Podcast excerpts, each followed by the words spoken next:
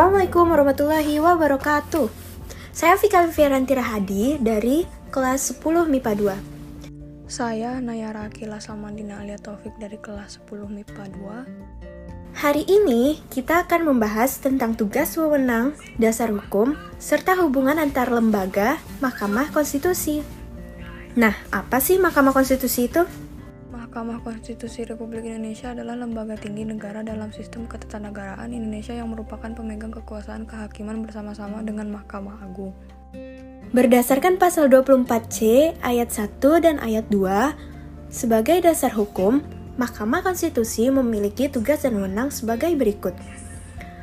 Berwenang mengadili pada tingkat pertama dan terakhir keputusan yang bersifat final untuk menguji undang-undang terhadap undang-undang dasar wajib memberi keputusan atas pendapat Dewan Perwakilan Rakyat mengenai dugaan pelanggaran oleh Presiden atau Wakil Presiden menurut Undang-Undang Dasar 1945. Lalu, memutuskan sengketa kewenangan lembaga negara yang kewenangannya diberikan oleh Undang-Undang Dasar 1945. Memutus pembubaran partai politik dan memutuskan perselisihan tentang hasil pemilihan umum.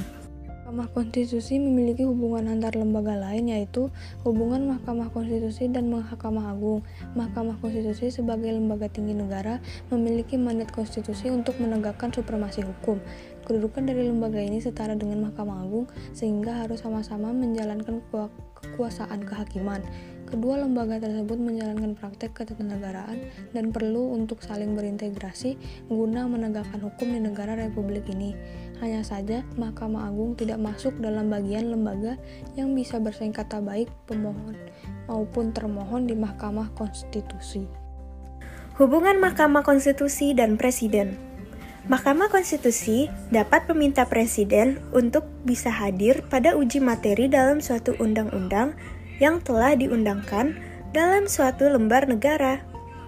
Hubungan lain yang ada pada Mahkamah Konstitusi dan Presiden adalah pencopotan jabatan Presiden ketika adanya dugaan pelanggaran hukum seperti pengkhianatan terhadap negara, korupsi, penyuapan, tindak pidana berat, dan perbuatan tercela. Hubungan Mahkamah Konstitusi dan Dewan Perwakilan Rakyat Dewan Perwakilan Rakyat berkedudukan sebagai lembaga legislatif memiliki kekuasaan untuk membentuk undang-undang. DPR RI sebagai salah satu pembentuk undang-undang bisa diminta hadir oleh Mahkamah Konstitusi dalam rangka menguji material terhadap undang-undang sebagai pemberi keterangan. Hubungan lain antara dua lembaga negara ini adalah DPR bisa saja mengajukan dugaan adanya pelanggaran yang dilakukan oleh presiden maupun wakil presiden.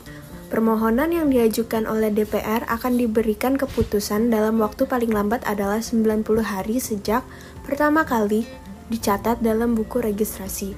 Di dalamnya sudah harus ada keputusan menerima dan menolak secara hukum.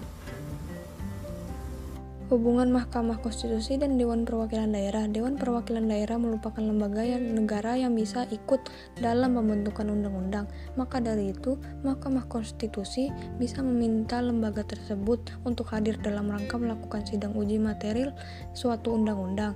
Dewan Perwakilan Daerah bisa turut membahas dan memberikan pertimbangan terhadap undang-undang tersebut. Sekian dari kami, kurang lebihnya mohon maaf. Wassalamualaikum warahmatullahi wabarakatuh.